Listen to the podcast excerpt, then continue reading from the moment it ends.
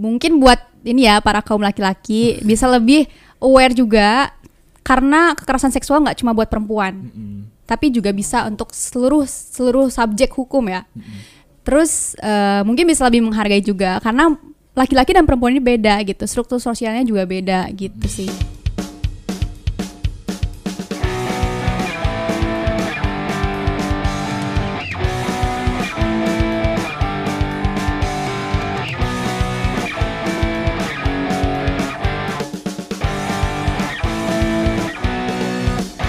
Assalamualaikum warahmatullahi wabarakatuh. Waalaikumsalam warahmatullahi wabarakatuh. Kembali lagi dengan kami nih di Potlau Podcast Lau, podcastnya Lem Fakultas Hukum Universitas Islam Indonesia. Oke. Di sini eh, kita cuman bertiga ya.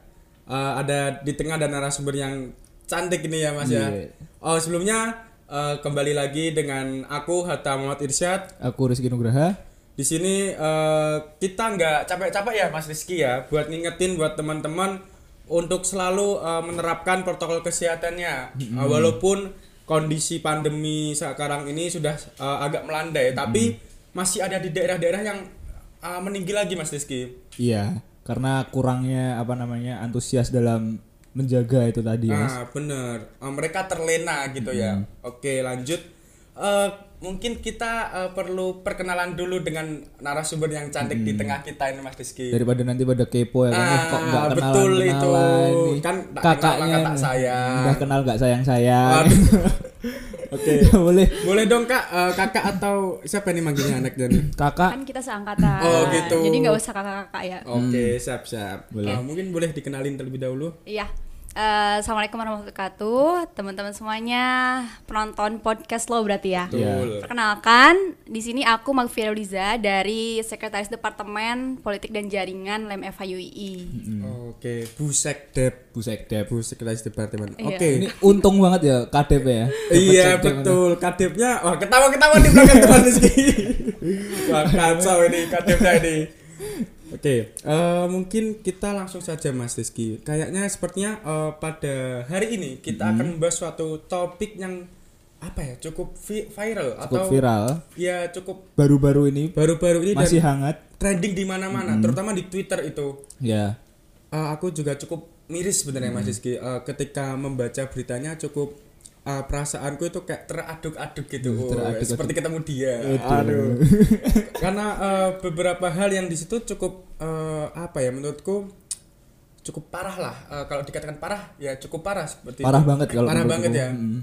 mungkin ini eh, tentang apa nih Mas Rizky mungkin bisa di spill ke teman-teman Eh, kalau ini mungkin kekerasan seksual ya, ya. topiknya tentang kekerasan seksual yang dilakukan oleh oknum apa namanya aparat aparat hukum aparat negara Oke. terhadap mahasiswi Oh, ya gimana lagi mas ya eh, namanya Mbak juga idaman Hei, idamanmu loh. idamanmu Oke, eh, mungkin kita eh, apa ya membicarakan tentang latar belakangnya dulu Hmm, kronologinya. kronologinya ya Mungkin, eh, sebenarnya eh, yang dimaksud kekerasan seksual di sini apa? Mungkin ada kasus yang relevan atau yang viral eh, beberapa waktu ini mungkin Mbak Vira bisa Menjelaskan. menjelaskan sedikit lah tentang kronologi atau latar belakang dari apa yang akan kita bahas di sini. Oke. Sebenarnya kalau misalkan ngomongin kekerasan seksual, pastinya kayak heartbreaking banget. Soalnya kan aku perempuan ya, sebagai Aduh. perempuan dan juga kayak melihat banyaknya kasus yang dari tahun ke tahun itu semakin masif gitu. Terlebih kan sekarang kemarin politik dan jaringan itu udah melakukan ekskursi kelembagaan ke Komnas Perempuan. Ternyata secara fakta di lapangannya itu memang sebanyak itu dan eh, kemarin itu kalau nggak salah ada di sepanjang 2020 itu sebesar 299.911 kasus yang masuk ke aduan ke Komnas Perempuan kemarin itu dan sekarang ya lagi-lagi viral ini sebenarnya kan dari yang percuma lapor polisi, tagar percuma lapor polisi itu kan udah semakin masif. Terus ditambah lagi ada eh, yang kasusnya di Unsri, Iya, yang iya. kemarin itu yang sebelum ada Novia ini. Jadi eh, di sini tuh kayak menjadi sebuah apa ya namanya? Sebuah challenge, bukan challenge sih. Sebagai kita tuh supaya lebih memasifkan apa yang menjadi upaya hukum di kita karena kan sekarang penegakan hukum di kita itu belum secara masif ya kayak misalnya di Novia ini latar belakangnya karena eh, ya kita ketahui bersama ya yang Vira ini cuma kita kan belum tahu secara fakta lapangannya seperti apa cuma yang kita ketahui secara latar belakangnya Novia ini kemarin eh, dibawa ke suatu penginapan mungkin ya Oke. dari dengan Kekasih, laki-lakinya, dengan kekasihnya, kekasihnya. Oke, dengan kekasihnya. Lalu tiba-tiba kekasihnya eh, memberikan suatu apa ya namanya obat mungkin ya, Pil pil, ya, pil. Pil. pil ya, pil buat si Novia ini dan ternyata itu tanpa sepengetahuan dari Novianya. Oh, nah oke. dari situ Novia ini langsung eh, nggak sadar dan tiba-tiba sudah dilakukan terjadinya pencabulan mungkin ya pemerkosaan. Pemerkosaan. Ya mungkin karena kita bahasa hukumnya masih pencabulan karena kan sampai sekarang pun RUU TPKS belum disahkan gitu. Oke. Karena jadi kita masih lihat ke eh, upaya-upaya hukum yang masih ada saat ini kayak misalnya eh, undang-undang eh di KUHP itu ada tindak pencabulan terus eh, tindakan aborsi Iya. penganiayaan nah itu kan masih bercabang-cabang ya sementara kan yang kita butuhkan saat ini kita balik lagi ke RUU TPKS mungkin itu sebagai prolog awal ya kenapa RUU TPKS ini TPKS ini sekarang diganti ya jadi RUU TPKS bukan Oh, PKS lagi oh iya dulunya aku Iya, dengar RUU. PKS. RUU PKS. nomenklaturnya kan sekarang jadi udah berbeda Oh, oke. RUU TPKS. Nah, sekarang mungkin jadi kenapa sih RUU TPKS ini menjadi urgensi saat ini ya ya dilihat secara generalnya udah jelas. Dari tahun ke tahun kekerasan seksual semakin masif gitu. Iya. Sementara pencegahan, pemulihan untuk hak korban itu masih sangat kurang sampai saat ini. Gitu. Mungkin itu secara generalnya dulu ya. Iya. Oke. Oke Mbak Vira, tadi kan eh, Mbak Vira menyinggung eh, ada kata-kata aborsi di situ. Eh, apakah ketika eh, seperti halnya tadi eh, kasus Novia tadi, yang mana eh, dari awalnya ada pencabulan atau pemerkosaan tadi berujung kepada eh, ya apa ya namanya? Eh, Apa pelecehan seksual? bukan bukan eh, hamil lah eh, si ceweknya itu perempuannya dan ada tindak eh, aborsi. Berarti di situ apakah ada indikasi bahwa akan terkena eh, hukuman atau eh, pasal berlapis? Karena dari awal kan kronologinya seperti eh, ada pencabulan pemerkosaan dan lain-lain. Itu sampai malah sampai ke aborsi atau menghilangkan nyawa seseorang. Oke. Iya. gimana itu Mbak Vira? Iya, sebenarnya kan kemarin itu dikenakan sanksi eh, aborsi, aborsi. Oh. Nah, tetapi kita lihat lagi bahwasanya kan ini termasuk hal yang pencabulan ya, tindak Iya. pidana pencabulan, terus eh, ada penganiayaannya juga. Terlebih ini aborsi juga gitu ya, maksudnya pemaksaan abo- Hmm. aborsi terlebih bukan dari seorang pelakunya aja, bukan dari si cowoknya aja kan yang melak- yang apa ya? Yang mengharuskan si ceweknya ini untuk aborsi. Tetapi dari latar belakang bela- da- latar belakang dari keluarganya pun mensupport kalau Keluarga yang keluarga dari pelakunya Oh, pelaku. ya untuk melakukan aborsi juga terhadap ceweknya gitu. Padahal pas awalnya si ceweknya ini pas eh, ngabarin keluarga dari pelaku itu tuh mereka mau bertanggung jawab. Tapi Hmm. lama kelamaan si keluarganya pun ingin ceweknya ini melakukan aborsi juga eh, dipaksa gitu sampai si pelakunya ini kan bawa-bawa obat untuk pil ya mungkin pil Iya, juga untuk agar si cewek ini bisa melakukan aborsi gitu Oke. Mm-mm. Iya, cukup menarik ya. Iya. Eh, karena di sini nggak cuman eh, yang memaksa untuk aborsi atau melakukan tindak hal seperti itu nggak hanya si cowok masih sekitar ternyata.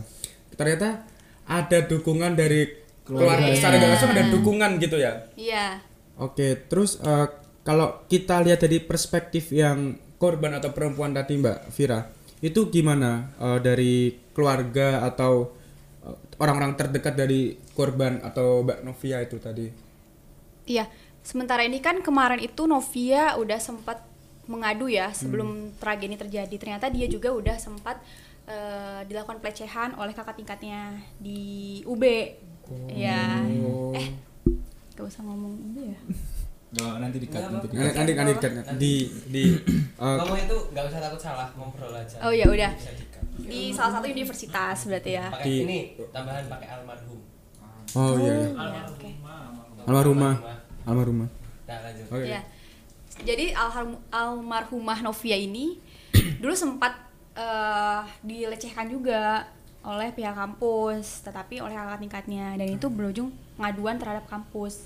Nah, si kampusnya ini belum tahu ya apakah memang dari kampusnya ini mempunyai regulasi yang mumpuni buat si untuk melindungi korban ini nggak tahu. Cuma dari apa namanya dari pihak keluarga dari almarhum Novia sendiri pastilah ada sedikit effort untuk menyelesaikan kasus ini.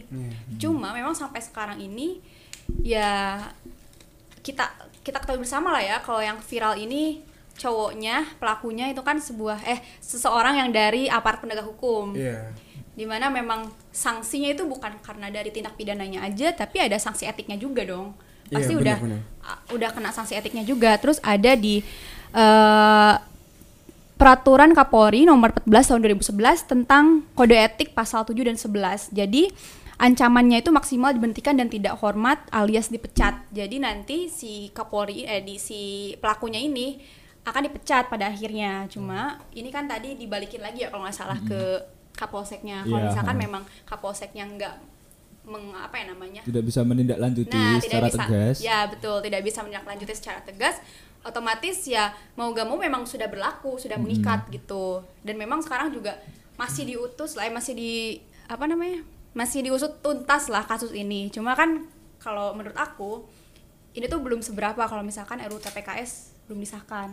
Oke, jadi tadi terkait catcalling, sexual harassment itu kan nggak terjadi secara offline aja. Sekarang juga udah banyak maraknya terjadi di online dan ini juga sejalan sama eh, kekerasan berbasis gender dalam cyber berarti ya udah jadi udah ada juga dan ternyata dari Komnas Perempuan pun lagi mengupayakan terkait memasifkan apa aja sih nanti yang bakal masuk maksudnya regulasi-regulasi yang ditambahkan terkait apa saja yang dibutuhkan di dalam kekerasan berbasis cyber gender ya berarti KBWO. Nah, ini sebagai awal bukan awal sih, sebagai sebenarnya Komnas Perempuan pun udah menginisiasikan ini dari lama, dari 2014 sampai sekarang itu perjalanannya itu udah berbeda-beda, dinamikanya juga udah berbeda-beda. Di mana kan ada salah satu tupoksi dari Komnas Perempuan juga untuk memberi informasi dan juga memberi saran, memberi rekomendasi kepada para eh para DPR berarti ya yang mengesahkan RUU TPKS untuk memberikan memberikan rekomendasi apa terkait regulasi yang betul seperti apa. Maksudnya yang kita butuhkan seperti apa gitu. Terlebih kan sekarang sudah masif ya dari dulu. Kenapa sih sekarang eh eh, misalnya sekarang kan kita dikorelasikan dengan eh berhasil tidaknya tiga, penegakan hukum di Indonesia itu kan berdasarkan tiga unsur ya kalau misalkan dari hukum pidana sendiri. Ada substansi hukum, legal structure, legal culture dan juga ada legal substance. Nah, dari ketiga substansi hukum itu di Indonesia ini masih terkait kekerasan seksual masih belum bisa diupayakan gitu. Pertama dari substansi hukumnya itu belum ada undang-undang yang memadai terkait kekerasan seksual ini. Masih kayak bercabang di dalam KUHP yang masih secara general gitu. Dan yang kedua terkait struktur hukumnya, aparat penegak hukum itu sendiri eh, masih tidak ini tidak berperspektif perempuan dan korban gitu.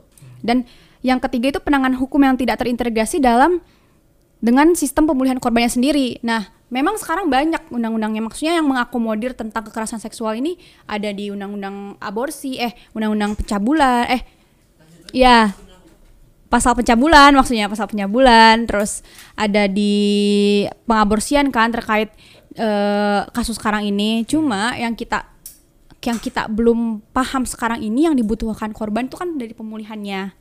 Sementara yang kita butuhkan itu dari sisi pemulihannya. Nah itu kan secara stru- struktur hukum belum bisa teratasi ya. Dan secara legal culture secara secara budaya hukumnya sendiri itu masih kita ini masih kayak mm, memasifkan victim blaming gitu. Korban itu jadi disalahkan terus. Iya.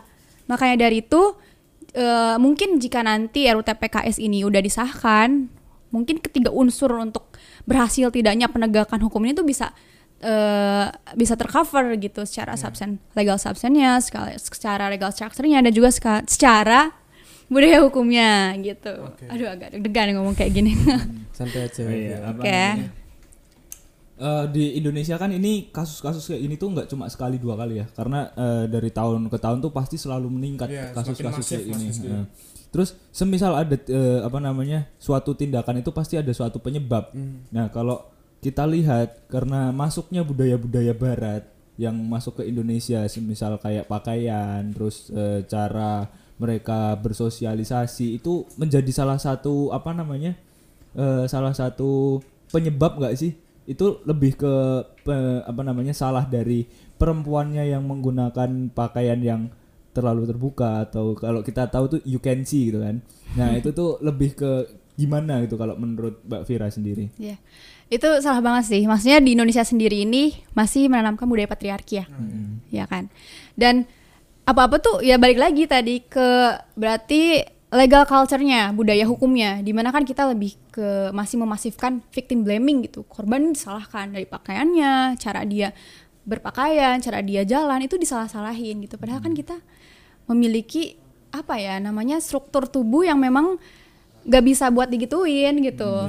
Ya itu memang balik lagi ke budaya hukum kita yang harus diperbaiki gitu supaya nanti jadi ketiga unsur penegakan hukum itu bisa berhasil karena kan dari budaya hukum kita ini sendiri victim blaming masih jadi eh, salah satu apa ya nah, penyebab kali ya salah satu penyebab terjadi kayak gini gitu sih.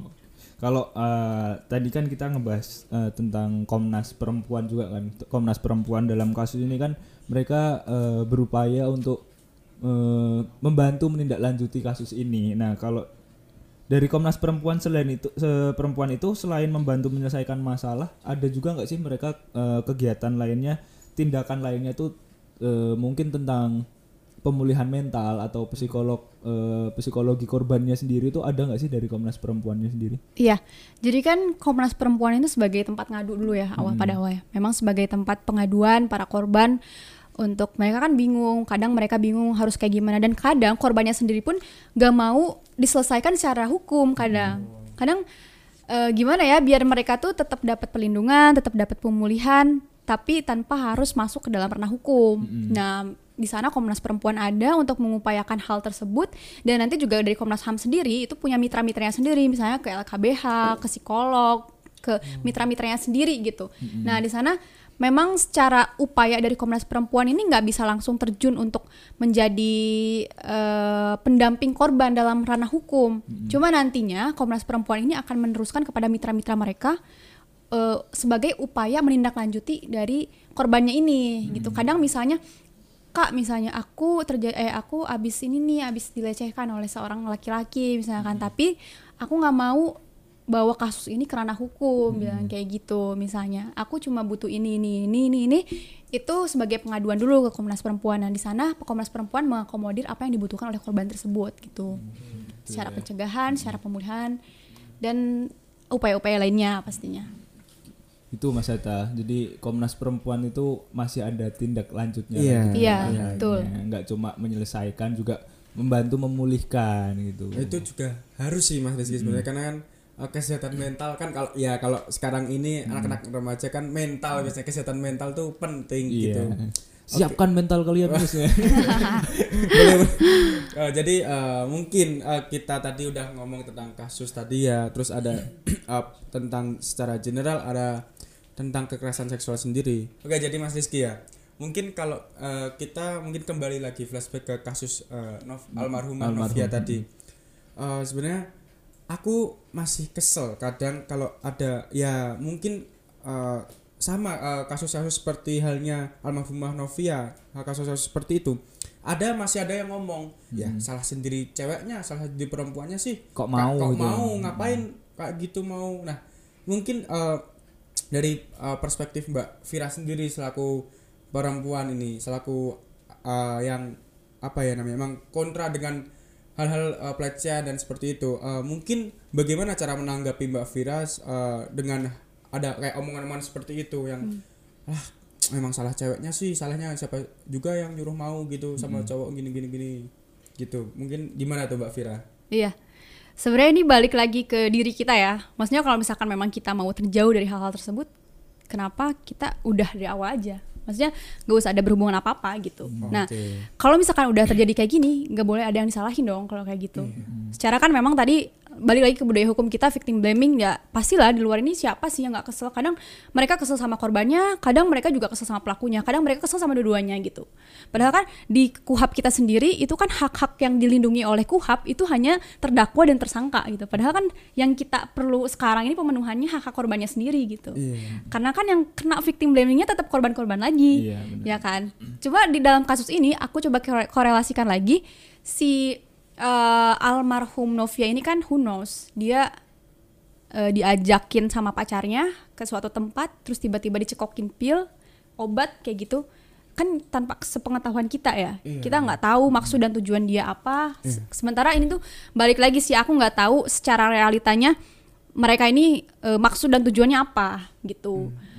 Cuma kan kalau misalnya udah terjadi kayak gini ya almarhum Novia juga menjadi korban. Dia yang dicekokin dia yang eh, dipaksa aborsi, aborsi juga gitu. Terus dia juga yang disuruh makan pilnya itu. Ya kan? Kita nggak bisa menyalahkan siapa pun kalau udah seperti ini.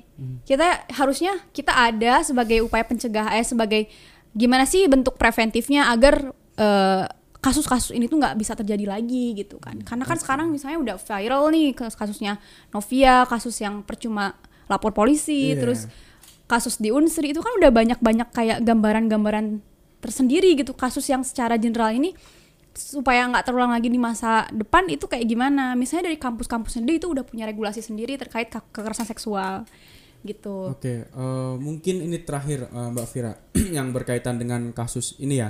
Karena setauku aku juga baca di Twitter itu eh, kalau nggak salah nih eh, sebenarnya Novia pun mendapat kayak eh, bukan an- kayak ancaman lah, kayak Teror, kata teror. teror, bu- Hmm, eh, oh iya, bukan teror teror. juga Mas Rizky, kayak tekanan, tekanan dari pihak keluarganya sendiri, Iya. bukan dari si tersangka si cowoknya atau keluarga cowok, tapi dari keluarganya sendiri. Oh, dari keluarganya Novia, Iya. almarhum Novia sendiri. Iya, dari keluarga almarhumah Novia. Nah, seperti itu kan malah eh, sebenarnya menambahkan beban eh, merusak mental sendiri padahal sebenarnya kita usut benang merahnya tuh dia sebenarnya korban di sini, tapi kenapa keluarga malah eh, Iya. menjadikan tambahan tekanan. Nah, mungkin Mbak Vira ada eh, apa ya namanya? eh, sedikit himbauan atau bagaimana eh, kita apabila mengetahui bahwa keluarga kita ini ada yang menjadi korban dari pelecehan eh, seksual seperti itu. Gimana tuh, Mbak Vira? iya kalau misalkan aku sebagai keluarga korban itu kalau misalkan bukan kita yang mensupport siapa lagi gitu Oke. ketika kita dihadapkan dengan suatu hal yang nggak tahu di depan ini kita bakal seperti apa.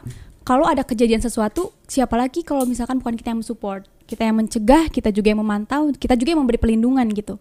Kan di luar sana udah ada budaya victim blaming terus udah ada budaya patriarki dan segala macam ya terus banyak asumsi-asumsi masyarakat terus sanksi-sanksi sosial yang dia dapatkan dari masyarakat dan eh, terkait pemulihan korban terkait pencegahan belum lagi kalau misalkan korban ini nggak mau apa namanya menindaklanjutinya ke hu- ke ranah hukum itu kan kita nggak tahu ya. Sebisa mungkin dari pihak keluarga kita harus bisa mencegah gimana caranya biar eh, kejadian ini tuh nggak bisa terjadi lagi dan memang bisa diselesaikan. Gimana caranya ini tuh kasusnya terus dipantau terus diusut gitu. Dan gimana caranya biar si korban ini tuh bisa merasa eh dilindungi gitu Mendapat perlindungan mendapat gitu ya. perlindungan Menjadi, iya eh, punya tempat nyaman untuk Iya, berlindung lah. iya. Karena Wah. mungkin kan seperti yang kita ketahui Novia ini sendiri dia kan depresi, Iya. terus hampir mau bunuh diri, tapi masih digagalkan oleh keluarganya juga. Kayak gitu sih. Oke, mungkin Mas Rizky udah berat ini. Udah berat ya. Dari aku sendiri udah rasanya udah berat eh, kasus-kasus seperti kita bicarain sebenarnya. Aku eh, apa ya lebih ke miris eh, seperti itulah jangan sampai jangan eh, menghindari gitu ya Mas Rizky ya. Ya kalau dilihat dari kasus ini kan ternyata kalau diusut dari kronologinya itu mereka dari 2019 tuh udah pacaran. dan ternyata udah sering lama. eh, dan sering melakukan seperti itu ya. Himbauannya buat teman-teman itu kalau punya pacar itu dijaga, jangan dirusak gitu. Ya, loh. malah lebih baik itu jangan pacaran iya, oh, wala zina ya. itu lebih tepatnya karena ada di Al-Qur'an ya, Ya, Mas. betul. Oke, mungkin eh, dari aku ini ya kita mungkin apa ya mungkin eh, merenungkan terlebih lagi dan kita doakan almarhumah Novia ini menjadi eh, mendapatkan tempat yang terbaik di sisinya. Amin. Semoga eh, dan semoga nggak akan terjadi lagi Novia-Novia lain Iya. di Indonesia ini. Mm. Semoga juga apa namanya hukum yang tadi dibicarakan sama Mbak Mbak Vira tadi segera di apa namanya disahkan dan apa namanya hukumnya itu bisa lebih tegas lagi Betul, untuk betul. kasus-kasus seperti ini ya Mas ya. Ya. Oke, mungkin eh, dari Mbak Vira sendiri ada sedikit kata-kata untuk closing statement lah dari pembahasan kita tadi jauh Iya. ini. Mungkin kalau misalkan yang lagi viral sekarang kan edu- educate your son gitu kan. Iya. Coba edukasi lah anak-anak kita nantinya nanti. Supaya nggak terjadi kayak gini. Karena kita nggak tahu kan ke depan kita bakal kayak gimana, kita bakal seperti apa dan sebisa mungkin segala tindak sesuatu itu harus ada pencegahannya dahulu, harus ada preventifnya dulu. Udah tahu kan sekarang eh, udah banyak nih berita-berita Komnas Perempuan juga udah kayak ngasih tahu, menghibau kita disclaimer bahwa ke- kasus kekerasan seksual dari tahun ke tahun itu semakin masif gitu. Kenapa kita nggak menjaga diri sih gitu? Karena kan kalau misalkan bukan dari kita sendiri, orang-orang terdekat siapa lagi yang bakal memprotek diri kita sendiri gitu. Kayak gitu sih, lebih kayak eh apa namanya aware lah sama diri kita sendiri gitu. Betul. Ya intinya eh, biar terhindar dari Iya. hal-hal seperti itu. Ada edukasinya Uh, juga Mas ya edukasi dari orang tua ke Betul. anaknya kan. Iya.